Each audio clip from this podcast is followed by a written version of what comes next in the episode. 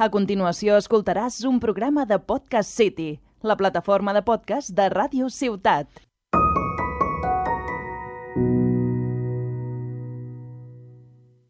Molts de nosaltres ens despertem amb ella. Ens acompanya mentre ens dutxem o mentre anem cap a la feina, a l'escola, a la uni. A vegades, encara que no vulguem, apareix per algun racó del nostre dia i ens anima o ens posa sentimentals. D'altres ens recorda moments de la nostra vida passada. Podem dir que de les arts escèniques és la que compta amb més presència en la nostra societat. I sí, avui parlarem d'ella, de la música. Prepareu-vos un Cesarac, el còctel oficial de la ciutat de Nova Orleans, que comencem. Saca el whisky cheli para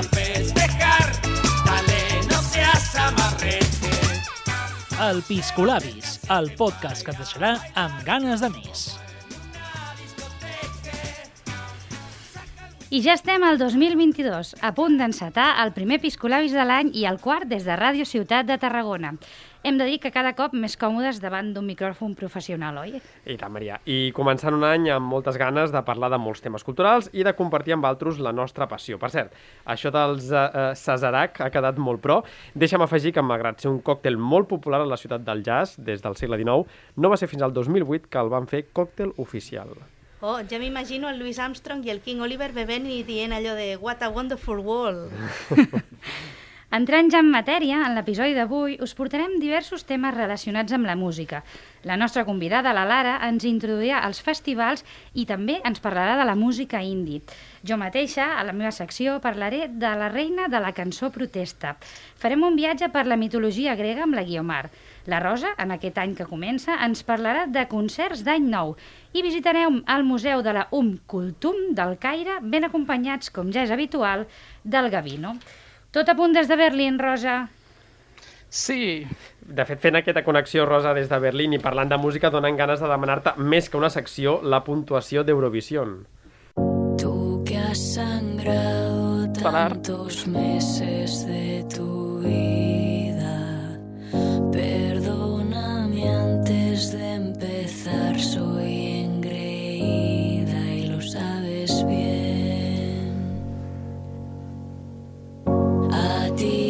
ti que tienes siempre caldo. Són a Rigoberta Bandini i el seu Ai Mama, la meva preferida pel Benidorm Fest, però per Valtros, quina preferida teniu?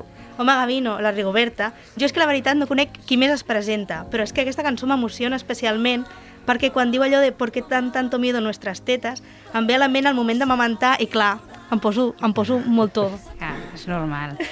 doncs jo he de dir que per mi és difícil, perquè Ai Mamà és, és un cant no, a l'alliberament de les dones i a treure el tabú sobre els pits femenins que tant ens acompanya, i això com a dona i feminista que sóc m'encanta. Però he de dir que la cançó de Terra de les Tanxongueires és un cant a la llibertat i té una melodia preciosa també. I per què no dir-ho? El fet de que n'és una cançó no cantada en castellà al Festival d'Eurovisió doncs seria un puntazo, així que de moment, si em permeteu, doncs no em mullaré. Aquest mes parlem de música i per a fer-ho hem convidat a la Lara Álvarez, la nostra col·laboradora musical. Ella és tota una experta en l'indie patri i, de fet, ella és la que gestiona la playlist de Spotify d'indie espanyol, que és la primera llista que vam tenir. Aprofitem per animar-vos a seguir el nostre Spotify, Cultius Culturals AMS, sobretot, on anem fent llistes mensuals dins de la secció Cultius Musicals. Molt bé, fem publi. La Lara és una noia vinguda de Galícia, tot i que nascuda en Astúries, porta per aquí 20 anys. És una gran amant de la música i dels festivals. Endavant amb la teva secció.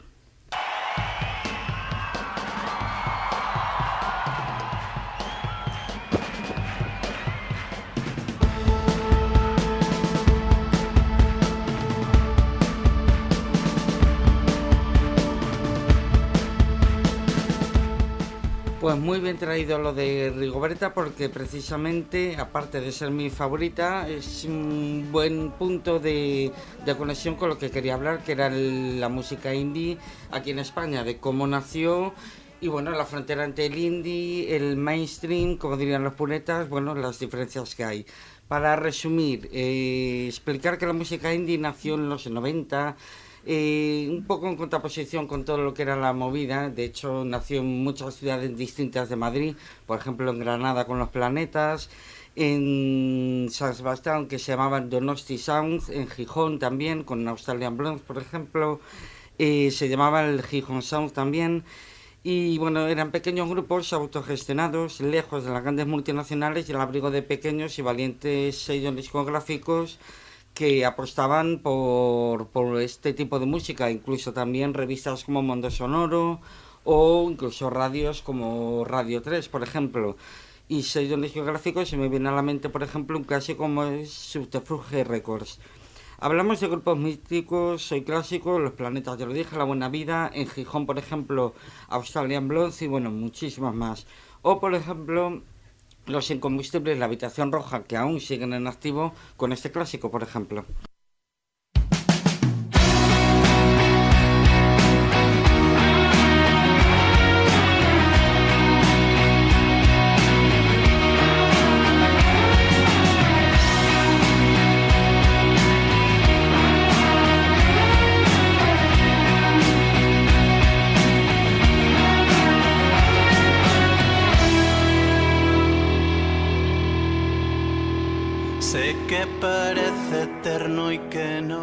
Con la crisis discográfica económica, o quién sabe por qué, al cambiar las normas del juego de la música, poco a poco se fueron, saliendo más y más grupos y haciéndose más populares y fueron saliendo festivales. Aquí, por ejemplo, metemos ya que estamos en Tarragona, el caso del mini pop aquí en la ciudad de Tarragona o el clásico ya aquí, el la fira de música al carré a Vilaseca. Una nueva forma de turismo musical donde en un fin de semana pues puede haber 50, 60 o 90 grupos, música a lo mejor desde las 12 de la mañana y el ejemplo para mí clásico de festival es el Sonorama en Aranda de Enduero, en Burgos, donde pues eso, música desde las 12 de la mañana, buena comida, buen vino, el vino de Ribera de, Ribera de Enduero, y es todo el pueblo eh, volcado en el festival. Eh, ya sé que radio, no se puede ver, pero voy a poner un audio que para mí refleja un poquillo el, el ejemplo de lo que es el espíritu del, del sonorama.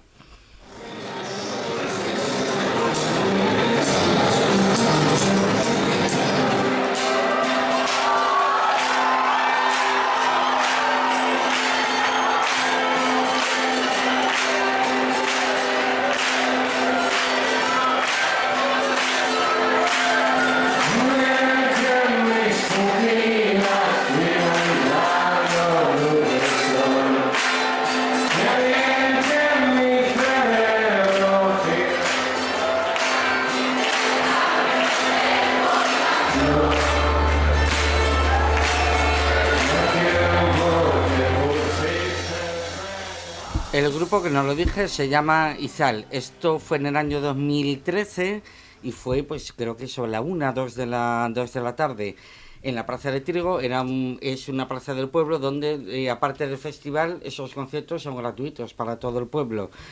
Y recomiendo, sin ninguna duda, no solo escuchar el audio, sino ver el vídeo que está en YouTube. Y se ve pistolas de agua, eh, todo el confeti. En la época en la que, madre mía, lo echo de menos, lo echo de menos. Sí, hacer abrazarnos. cosas, exacto. Echo de menos hasta las pistolas de agua, que yo las odiaba. Las echo de menos, Qui- necesito. Quines ganes d'anar-hi, eh, amb, Ja. aquesta, amb aquesta música. Vaya, no, no eh. hem vist ni el vídeo, eh? No, no, Sí, la verdad que sí. Este grupo ha sido el ejemplo de cómo se empezaba tocando en la plaza del pueblo a las tantas de la mañana y pasar, con el paso de pocos años, pasaron a sonar en radios comerciales y es el ejemplo del debate de lo que es indie, lo que no es indie, ya no eres indie, ya eres comercial, te han vendido, en fin, este tipo de debate. Para mí se puede ser indie y llenar el estadio metropolitano, como harán este verano el grupo Vetusto Morla, que fue la primera canción que, que sonó. O, por ejemplo, como yo he visto, tocar a León Benavente en una sala en Reus con 50 personas y este año, el 5 de marzo, lo recomiendo, por cierto, recomendación de Cultius, en la Tarraco Arena Plaza, pues ahí van a, van a actuar. eh, sin dejar de mantener su, su esencia, de autogestionarse eh, y tener control absoluto de todo el proceso creativo. El secreto de ahora es que quizá las discográficas, que ya se han visto, vaya, sin otro callejón que este, es empezar a colaborar con los grupos, eh, distribuyendo los, los discos o entrando también en la producción sin tocar eh, todo lo que es el tema creativo, como se hacía antiguamente. Yo creo que todos tenemos ejemplos de que incluso te, te decían mete una trompeta aquí o incluso cómo tenías eh, que vestir, que ha pasado con muchos grupos. Y al hilo de Rigoberta, y ya cerrando el círculo, y Eurovisión, estos grupos también desde hace varios años se están metiendo a través de los concursos de, Eurovisión bueno, y están empezando a ser conocidos. Este año, por ejemplo, tenemos, aparte de Rigoberta, al, a Barry Brava, a Raiden, y bueno, hace años incluso el mismísimo Guille Milkaway con su gran proyecto La Casa Azul, delante de la mismísima Rafaela Carrá. Y vamos despidiendo la sección con este temazo de La Casa Azul, la revolución sexual.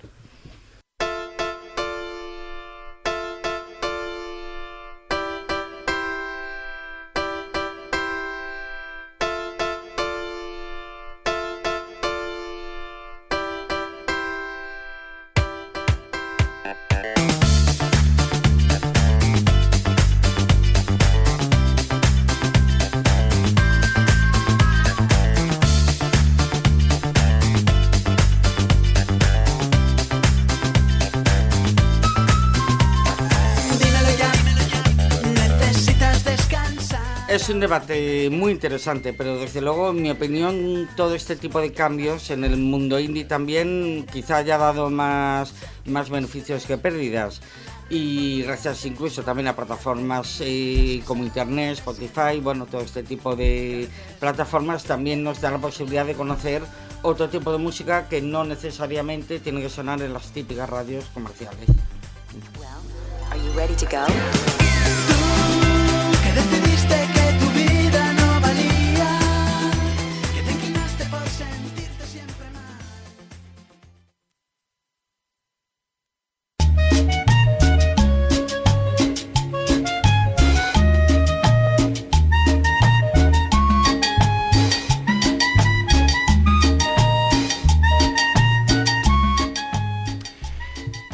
amigues del Cultius. Tornem a ser aquí després de la ressaca nadalenca i ho fem amb música. Tema que tothom que em coneix sap que m'encanta i m'apassiona. I, de fet, aquí moltes vegades he volgut cantar, però se m'ha censurat. No descarto que avui ho pugui fer. Soc la Maria Pérez i avui a la secció de dones que fan coses us aproparé a la reina de la cançó protesta, Joan Baez. Well,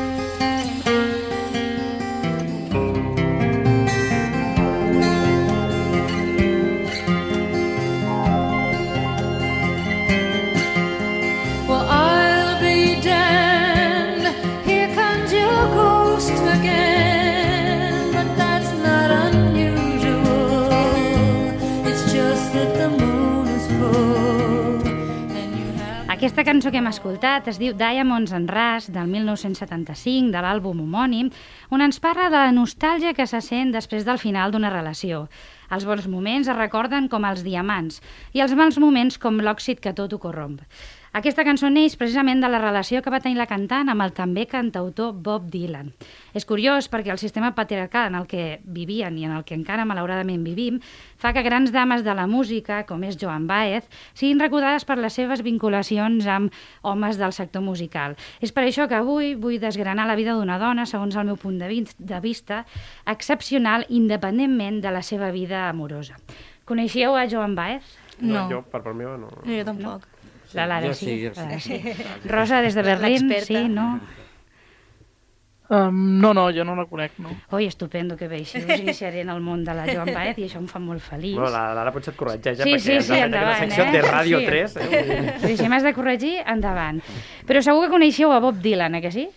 I tant, i Sí. tant. Sí, A Bob Dylan tots us sona, no? La indústria musical del moment va, voler escollir, va voler escollir-lo a ell com a figura mediàtica, en fi, que hi farem. Ara us descriuré una miqueta la, La biografia Joan Baez va néixer l'any 41 a Staten Island, a Nova York. Va ser filla d'Alberto Minicho, nascut a Puebla, Mèxic, i de Joan Bright Baez, nascuda a Edimburg, Escòcia. Degut a la seva feina del, degut a la feina del pare, millor dit, van haver de viatjar per tot el món, Anglaterra, França, Suïssa, Canadà, Iraq, i arrel d'aquests viatges va ser on Baez es va anar comprometent a poc a poc amb la lluita per la justícia social i el pacifisme. De fet, en paraules seves, la justícia social és el verdader centre de la meva vida, quelcom més important fins i tot que la música. L'any 56, instal·lats a Califòrnia, Baez va escoltar per primer cop a la seva vida un discurs de Martin Luther King apel·lant a la no violència i als drets civils, i en quedar captivada. Paral·lelament, aquell any es comprà la seva primera guitarra amb la que a través de la música anys més tard faria activisme social. Al 57, convençuda per les seves profundes conviccions pacifistes, va dur a terme el que seria el seu primer acte de desobediència al no voler abandonar el seu institut a Palo Alto arran d'un simulacre d'atac aeri. També aquell any va conèixer l'erudita gandiana Ira Sandpel, que es va convertir en una de les seves polítiques de referència. Posteriorment, la família es va traslladar a Belmont, Massachusetts, i allà en general i a tot el país la música folk estava agafant moltíssima embranzida i Baez cada cop es va veure més atreta per aquest estil de música que acabaria sent el principal dintre de la seva carrera musical. De fet, va ingressar a la Universitat de Boston, a Massachusetts, però ho deixaria per concentrar-se en la seva emergent carrera musical. A finals de la dècada dels anys 50 va gravar el seu primer disc amb Billy Wood i Ted Alevizos, que es deia Folk Singers Round Harvard Square, que va començar a tocar amb freqüència també al Club 47 de música folk a Cambridge i també va conèixer el cantant Bob Gibson, que va ser qui la va introduir al món dels festivals folks ja entrada a la dècada dels anys 60.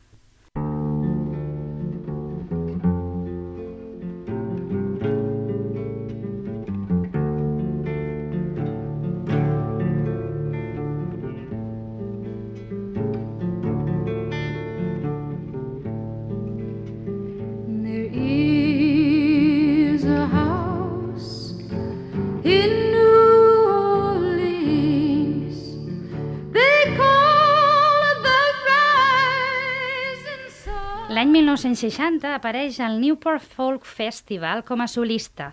Fa el seu debut en un concert multitudinari a la ciutat de Nova York i es publica el seu primer àlbum Joan Baez, on versiona cançons tradicionals americanes i que té molt d'èxit juntament amb les reedicions del mateix disc al 61 i al 62. Concert en els tres, va, eh, concretament, perdoneu, els tres van ser disc d'or i van estar dos anys a les llistes d'èxit. Algunes de les cançons d'aquest disc són House of the Rising Sun, que hem escoltat ara recentment, El preso número 9 o Donna, Donna. La dècada dels anys 60 seria la consolidació de John Baez dintre del panorama folk country del país, arribant a gravar 11 discs aquella dècada, dels quals destaquem els tres que hem esmentat, Noel, del 66, un disc de cançons nadalenques, i Any Day Now, del 68, que va tornar a ser disc d'or. Al mateix temps, la dècada dels anys 60, la cantant va prendre part en les principals lluites pels drets socials i en favor del pacifisme.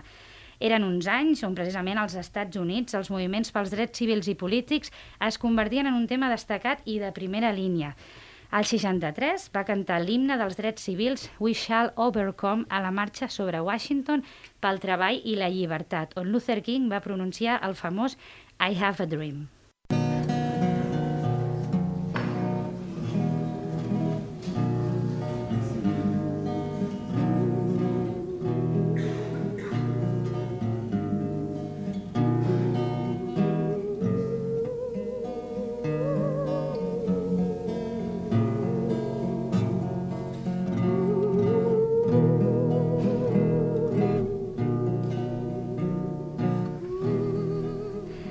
L'any 63, el Ku Klux Klan va bombardejar una església d'afroamericans a Birmingham, Alabama, on van morir quatre nenes i molta gent va resultar ferida.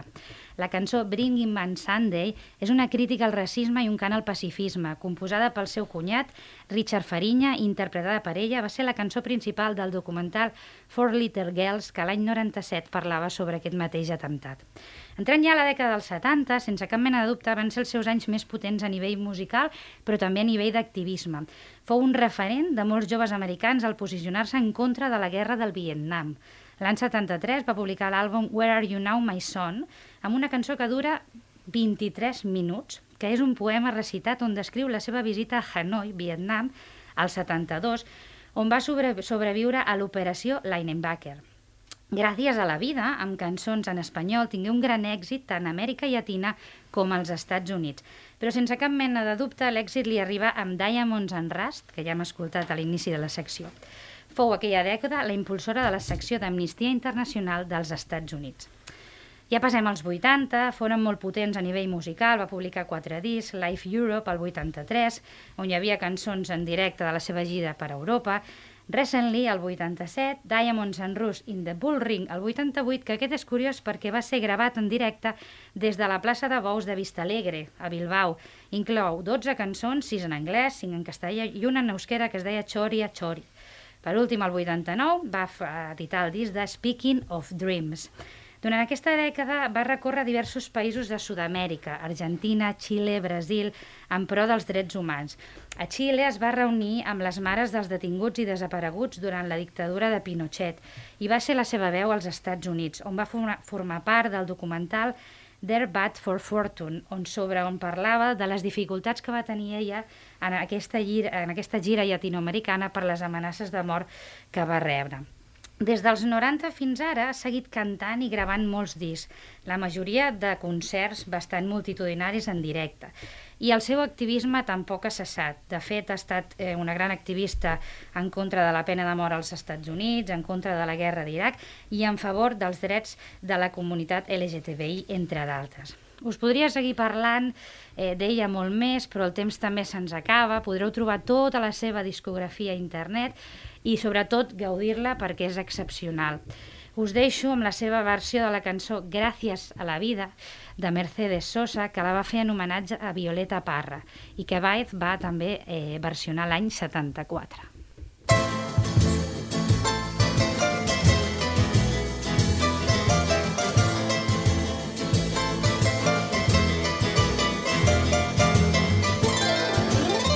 Gracias a la vida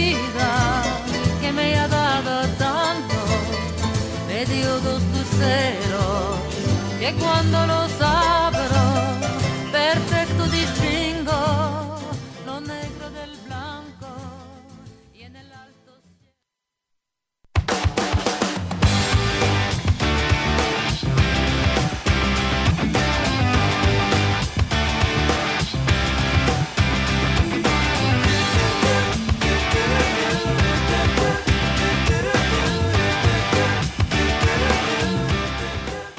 El calendari anual de concerts reserva cites importants per a les festes de Nadal, ja sigui el concert de Sant Esteve a casa nostra o el més internacional concert d'Any Nou.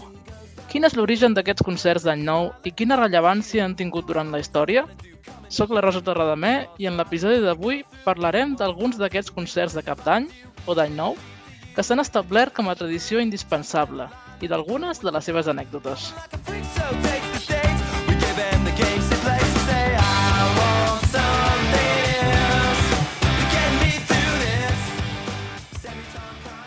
I comencem pel més conegut, almenys a Europa, l'arxifamós concert d'any nou de Viena, concretament de la Filarmònica de la capital austríaca, i que té lloc a la sala de concerts del Club de Música, un edifici inaugurat el 6 de gener de 1870 i famós per la seva acústica. Un concert de música clàssica que ens evoca la imatge de senyors amb smoking i senyores amb modelets de les cases més famoses i cares del món de la moda i el glamour. A vegades, pels que ens hem de conformar amb veure l'espectacle per la tele, sembla com si d'una pel·li del segle XIX es tractés. I sí, estic pensant en la Sissi. I si bé és cert que avui en dia tothom, sense haver de ser noble, en capacitat econòmica i ganes de gastar-se entre 2.790 euros i 5.990 euros, um, aquests són els preus de, del concert de l'any que ve, que per cert s'ha de reservar un any abans si voleu anar, i podeu anar i seure. I si no voleu seure, doncs amb 650 euros en teniu prou. No queda dubte que es tracta d'un d'aquells esdeveniments que ha congelat un moment històric i que s'ha convertit en tradició inqüestionable dins l'àmbit dels concerts de música clàssica.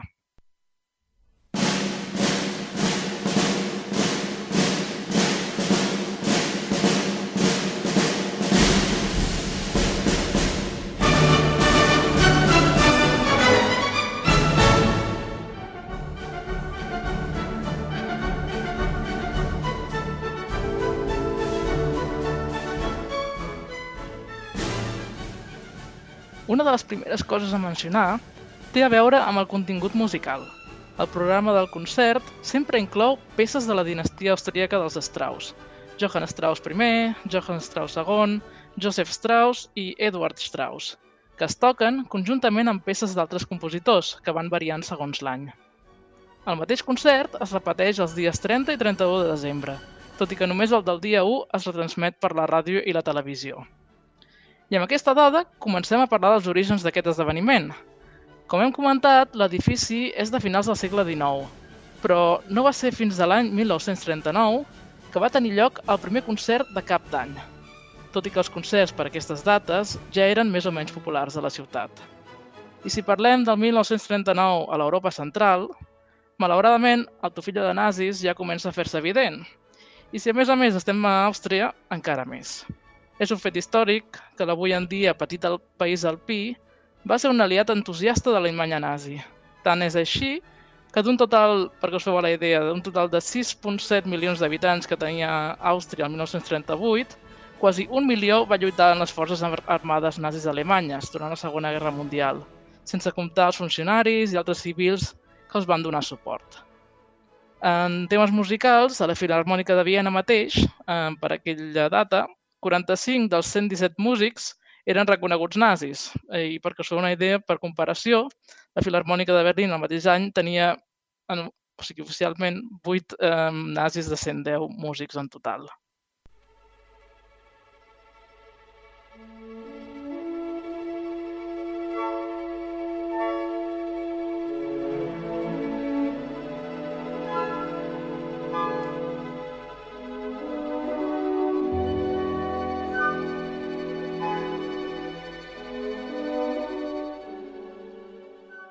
Qualsevol cas, després de l'annexió oficial del país el 15 de març de 1938 i un cop començada la guerra, 1 de setembre del, del 39, a les ments brillants del partit nazi no se'ls va ocórrer res millor que utilitzar aquesta tradició de concert per organitzar- organitzar-ne un de beneficència, en què els diners recaudats anirien per ajudar a pagar les despeses del front de guerra, Kriegswinterhilfswerk, o literalment ajuda per a la guerra a l'hivern i augmentar la moral de les tropes al front de guerra.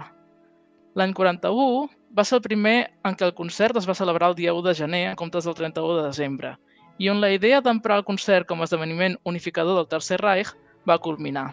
I aquest es va començar a retransmetre per tot l'àmbit territorial dominat pels nazis. El Danubi Blau o el Fledermaus es van veure com una manera d'ajudar els soldats a mantenir l'esperit de victòria, i el concert es va celebrar durant tots els anys que va durar la Segona Guerra Mundial. En acabar, com si aquest fos aliè a tot el que havia passat, es va seguir duent a terme fins al present. La molt anomenada desnazificació dels territoris del Tercer Reich, un cop acabada la guerra, no va anar exactament com els aliats havien planejat, per diversos motius que no, va, no, no debatrem ara. I especialment a Àustria, el procés encara va ser més qüestionable, ja que el país va aconseguir ser reconegut com la primera víctima oficial del nazisme, malgrat, com hem dit, haver estat un dels primers aliats incondicionals de les polítiques de Hitler. Això va portar a fets tan escandalosos com la, presa, la pretesa donació l'any 1966 d'una còpia del prestigiós anell d'honor de l'orquestra de Waldurf, a, a Waldurf von Schirach. Um, Waldurf von Schirach era el governador nazi de Viena que va deportar desenes de milers de jueus. Cop aquest va sortir de la pressió, que ja... Um, o sigui, un cop aquest va sortir de la presó, se suposa que havia perdut aquesta menció i es diu que li van donar una de nova, però això no està comprovat. En qualsevol cas, després de que l'escàndol es fes públic i fins avui, l'orquestra ha revocat els premis que va concedir a sis principals nazis, inclòs eh, Schirach.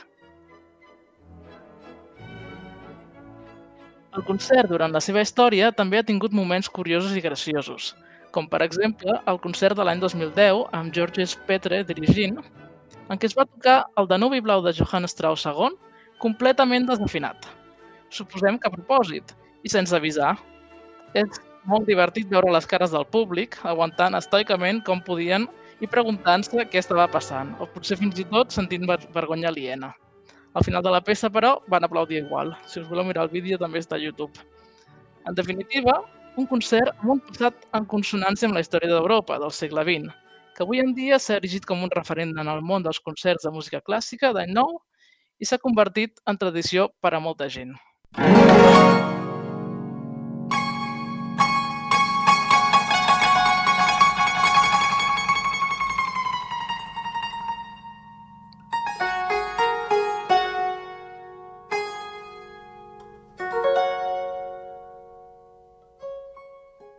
Després de parlar del concert d'any nou en el calendari gregorià, hem de parlar del segon any nou més popular del món, l'any nou xinès o festa de la primavera. La celebració es basa en el calendari lunisolar utilitzat tradicionalment a la Xina i les celebracions comencen el primer dia del primer mes lunar i acaben el dia 15, quan se celebra la festa de la llanterna, normalment entre gener i febrer. Entre les tradicions xineses, per celebrar l'any nou, la música no hi juga un paper especialment rellevant, més enllà d'acompanyar danses folclòriques, i no existeix un gran concert d'any nou com a tal. Almenys no en territori xinès, però sí en el món occi- occidental. Deixeu-me que m'expliqui.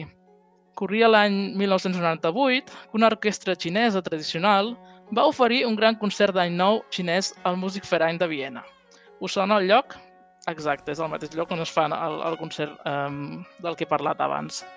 Sembla que va tenir tant d'èxit que l'Agència Internacional d'Arts Escèniques eh, WU Promotion, amb seu a Pequín, l'organitza des de fa 23 anys a diferents països del món. L'any passat no es va celebrar per la pandèmia. Aquí podem veure novament la diferència de la magnitud entre esdeveniments organitzats per europeus i esdeveniments organitzats per xinesos. L'any 2017, per exemple, la WU Promotion, en, en motiu del seu 20è aniversari, va organitzar un total de 27 concerts interpretats per quatre orquestres diferents en diversos continents, des de la gira de la Ruta de la Seda, per països de l'Orient Mitjà, per Rússia, països bàltics, arribant fins a Europa. Actualment forma part del calendari internacional de concerts i va creixent any rere any donada la gran demanda de públic per experimentar la bellesa de la música tradicional xinesa.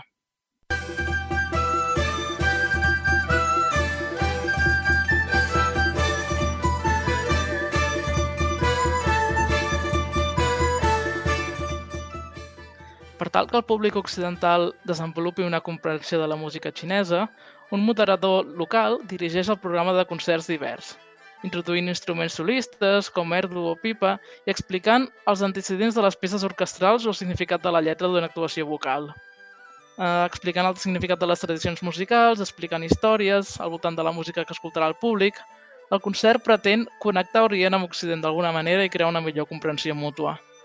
En aquest cas, la història del concert és relativament recent, però no per això per la rellevància que es mereix, especialment tenint en compte la mobilització de músics i l'organització que suposa.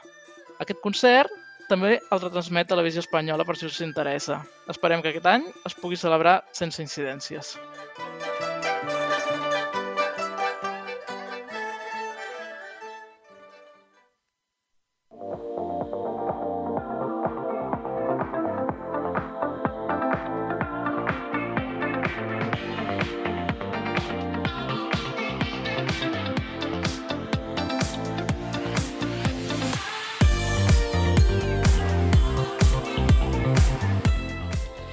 Marxem a una ciutat que no necessita gaires presentacions, una ciutat on predomina el color groenc per la sorra, per les construccions, pel sol, amb construccions de fa més de 5.000 anys, que està travessada per un dels rius més famosos del món, i no és el Danubi, del qual ens parlava ara mateix la Rosa. Soc el Gavino i avui marxem a la sempre inspiradora ciutat del Caire.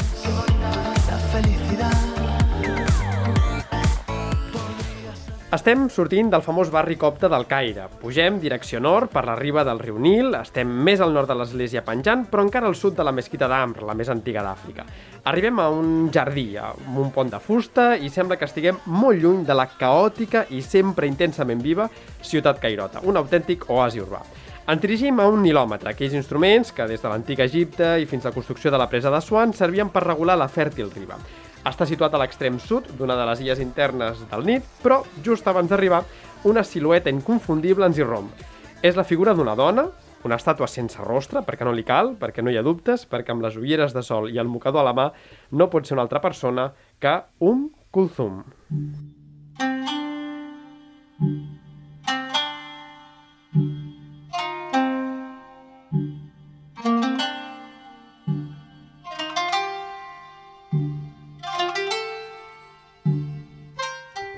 Kulthum és una diva en la música àrab i sense buscar-ho ens hem topat amb el seu museu. El Museu que el Caire li dedica una de les seves filles adoptives predilectes.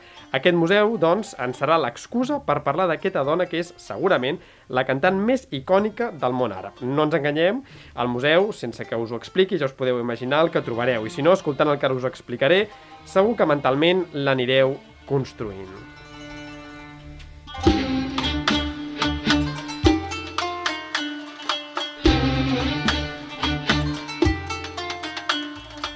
Un Kulthum apareixia a l'escenari, apareixia quan encara faltava molt per a que es sentís la seva veu.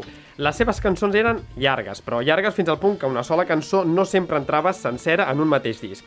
Així, quan ella sortia a l'escenari, la introducció instrumental es podia allargar forces minuts, fins i tot alguns quart, algun quart d'hora. A més, mai se sabia exactament, ja que tant l'orquestra com ella mateixa introduïen variacions en les seves actuacions en directe, tot jugant amb les arrels de la música clàssica egípcia i àrab.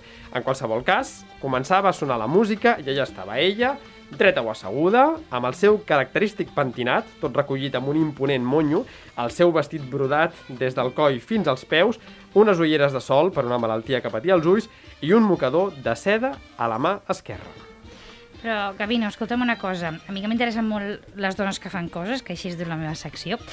Eh, va convertir-se en l'estrella que va ser o que és perquè, pel que tinc entès, encara fa recitals avui en dia a través d'hologrames. Efectivament, Maria, crec que va ser, si no la primera, de les primeres vegades que es va provar aquesta tecnologia per fer un concert. I, òbviament, va ser per recuperar la màgia de l'Oukonzum, la qual, i responent a la teva pregunta, va tenir uns inicis força prematurs. El seu talent era tal que el seu pare, quan tenia només 12 anys, la va vestir de noi i la va incloure en algunes actuacions que dirigia ell mateix.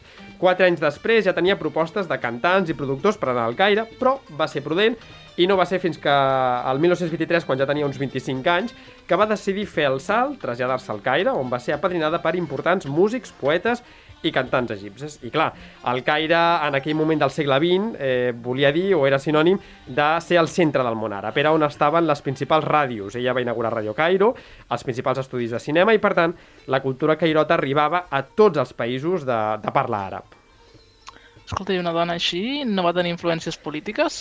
No va fer activisme directament ni missatges polítics, eh, però sí que va conèixer a Nasser eh, abans que es convertís en el president egipci, després del triomf del, del panarabisme, aquell moviment protosocialista que va triomfar per la majoria del món àrab al, al segle XX. I des de que es va eh, conèixer, es van conèixer tots dos, van mostrar-se una admiració mútua que de fet la va salvar, eh, perquè ell havia actuat davant del rei Farouk, el qual va ser derrocat per la revolució del 1953, no per res, sinó simplement perquè era el rei, no perquè fos eh, una, fan, una fan del rei, eh, i allò doncs, va fer doncs, que eh, la expulsessin de, de la ràdio, que també l'expulsessin de la, de, fi, del, del club, diguéssim, dels, dels músics.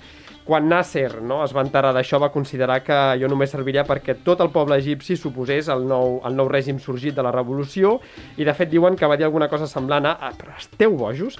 Per això va eh, obligar a corregir aquella decisió i fins i tot sempre va tenir present les actuacions de l'Ul Kulthum per fer els seus discursos i segurament per por a que ningú l'escoltés a ell mai va contraprogramar-se amb ella.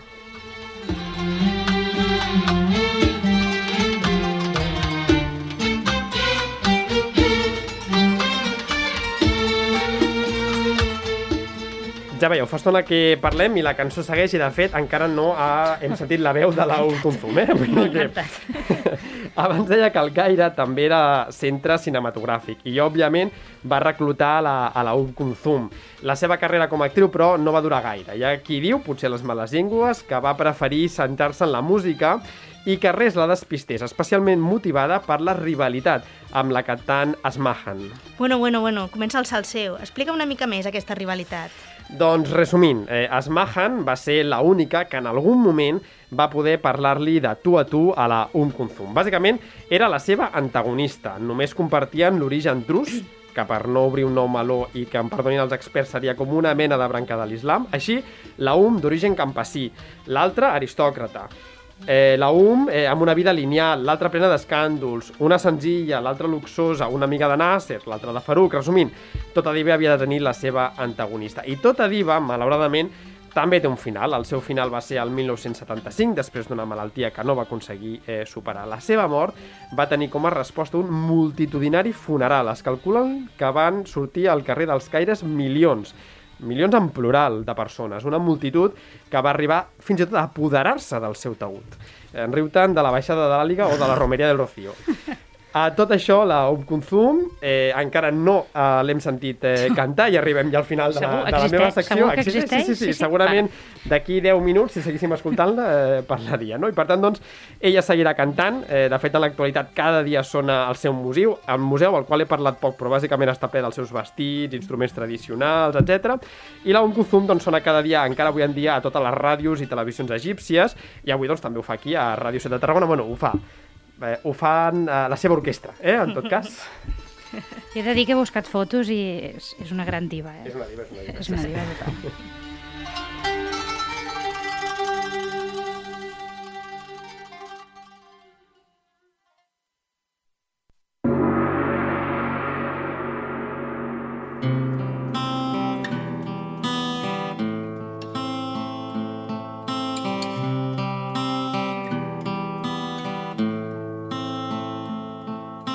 Solo eran las horas. Hola a tots, sóc la Guiamar Sánchez i avui no us parlaré de música.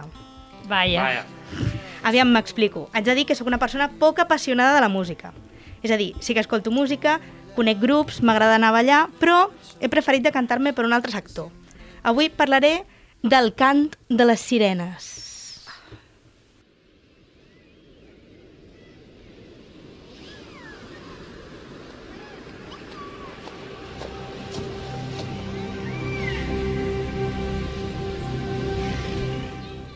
Ho sentiu? És el cant de les sirenes que ens criden i ens embruixen amb la seva veu. Però què són i d'on venen?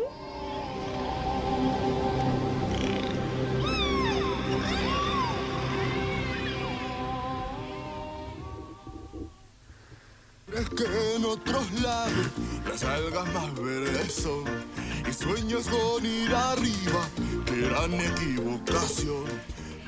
Primer, un repàs ràpid. Actualment ens imaginem les sirenes com la pel·li de Disney, una dona guapíssima, meitat cos de dona, meitat peix. Però la mitologia ens porta a la tradició grega, on eren mig ocell per dalt i mig dona per baix. Eren éssers malignes. Es diu que es podria tractar d'amigues de Persèfone, que la va raptar Hades, i que van demanar als déus poder volar i poder nedar per anar a buscar-la. D'aquí que es convertissin en aquesta mena d'animal. Per una altra banda, també es deia que primigèniament les sirenes alades eren les encarregades de portar els morts a l'inframont. Per això aquesta por que tenen al veure-les.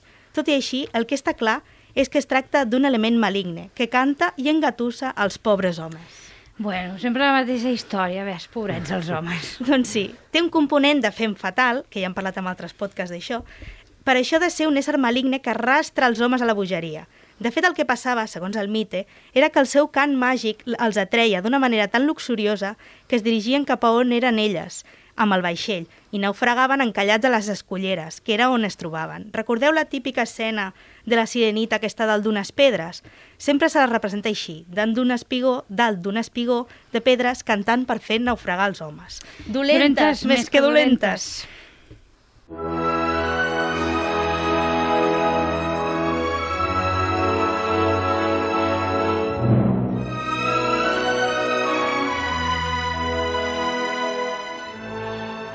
El primer cop que les trobem, segons alguns, és a l'Odissea, moment en què tots coneixem en el que Odisseu o Ulisses es lliga al vaixell perquè vol sentir el cant, però no ser atrapat per la màgia.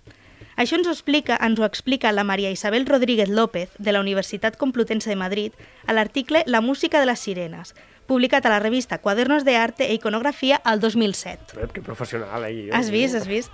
Ella ens parla de com podria haver-se forjat el mite de les sirenes, i en especial el seu cant fatídic. Com sempre diem, les llegendes, les històries i els mites sempre provenen de fets pràctics o elements que eren útils en el dia a dia de les persones. Així, d'on prové el mite del cant de les sirenes? Apunteu perquè és un viatge xulíssim. Ens anem a la costa malfitana, al sud d'Itàlia.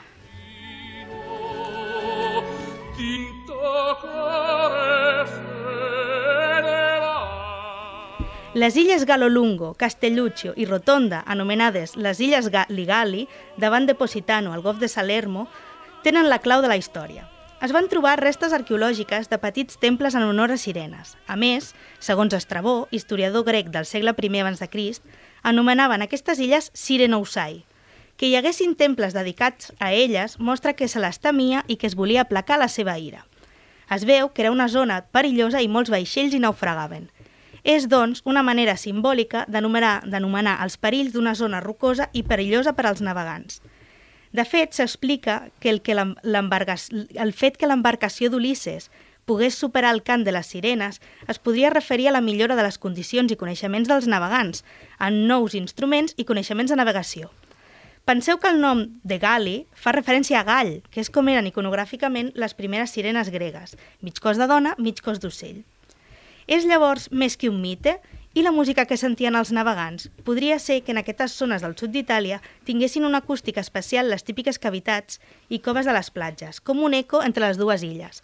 A més, recordem l'Odissea que és, eh? Què és? Què és? Què és? Mare, a veure, què és? Pues és la història que ve després de la guerra de Troia, quan els grecs guanyen enganyant els troians amb el cavall de Troia, dient que era una ofrena a Poseidó, que era mentida, clar. I Poseidó, enfadat, es pica i diu «Sí, hombre, ara tornarà a casa tu madre». I triguen 20 anys en tornar, que és tota una odissea. Questa di Marinella è la storia vera che scivolò nel fiume a primavera. Tenim, per una banda, l'explicació geogràfica i, per altra, l'acústica. S'han fet experiments acústics a la zona de les tres illes i es va comprovar que, en determinats llocs, s'amplifica el so de manera natural. És més, el mateix experiment, fet des de l'illa més gran, Galolungo, es crea no només una amplificació del so, sinó que també es distorsiona. És possible que aquests cants malèfics que sentien es devien al soroll del, del vent, del mar, dels animals marins, etc. Això, sumat a les roques sota l'aigua, feia que moltes persones hi naufraguessin. Les pobres sirenes al final van pagar el pato del que realment era, els elements sonors propis del mar, poc coneixement del mar i de la zona i les llegendes de borratxos de taverna. El que està clar és que eren venerades i temudes, i ara per ara jo em moro de ganes d'anar a la costa malfitana a fer una ullada a aquestes illes. Doncs sí. I arribem al final de l'episodi d'avui que hem dedicat a la música, parlant de l'indi, de Joan Baez, dels concerts d'Any Nou, del cant de les sirenes i de la Um Kulthum. I marxem, de fet, quan l'Olguzum encara no ha començat a cantar i això que l'hem posat a meitat del programa i, de fet, eh, no ha acabat ni la- ni la- ni l'escoltarem, ja que dura més d'una hora aquesta cançó. Volem agrair a Ràdio Ciutat de Tarragona aquest espai que ens ha cedit i en especial al nostre tècnic, l'Òscar, eh, i també moltes gràcies a la Lara per haver vingut. T'ho has passat bé? Moltíssim, moltes gràcies i molt agradida. De fet, jo crec que et fitxaran a Ràdio 3, eh? Després de la secció que ens has fet. Això espero. Esperem. Sí, sí. Nosaltres som el Gavino, la Guiomar, la Maria, jo mateixa, la Rosa. Som l'equip del Cultius Culturals. Ens podeu seguir a Twitter, Instagram, Facebook i al nostre blog, cultiusculturals.cat.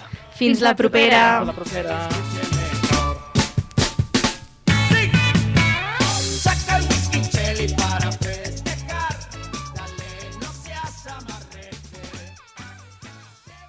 Has escoltat un programa de Podcast City, la plataforma de podcast de Ràdio Ciutat.